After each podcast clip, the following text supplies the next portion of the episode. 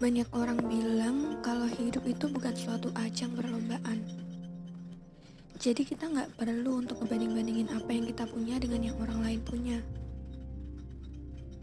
Emang benar, semakin dewasa, kita jadi lebih sering bandingin diri sendiri sama orang lain. Lebih sering insecure dengan pencapaian orang lain. Padahal itu semua bukan kompetisi. Setiap orang pasti memiliki waktunya masing-masing. Setiap orang juga pasti memiliki jalannya masing-masing.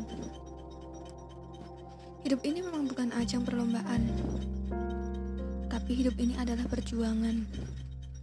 Perjuangan dengan dirimu dan mimpimu sendiri. Orang lain tidak berhak menilai perjuanganmu, dan kamu pun tidak perlu membandingkan usahamu. Karena yang tahu akan dirimu, semua perjuanganmu dan kekuatanmu adalah dirimu sendiri.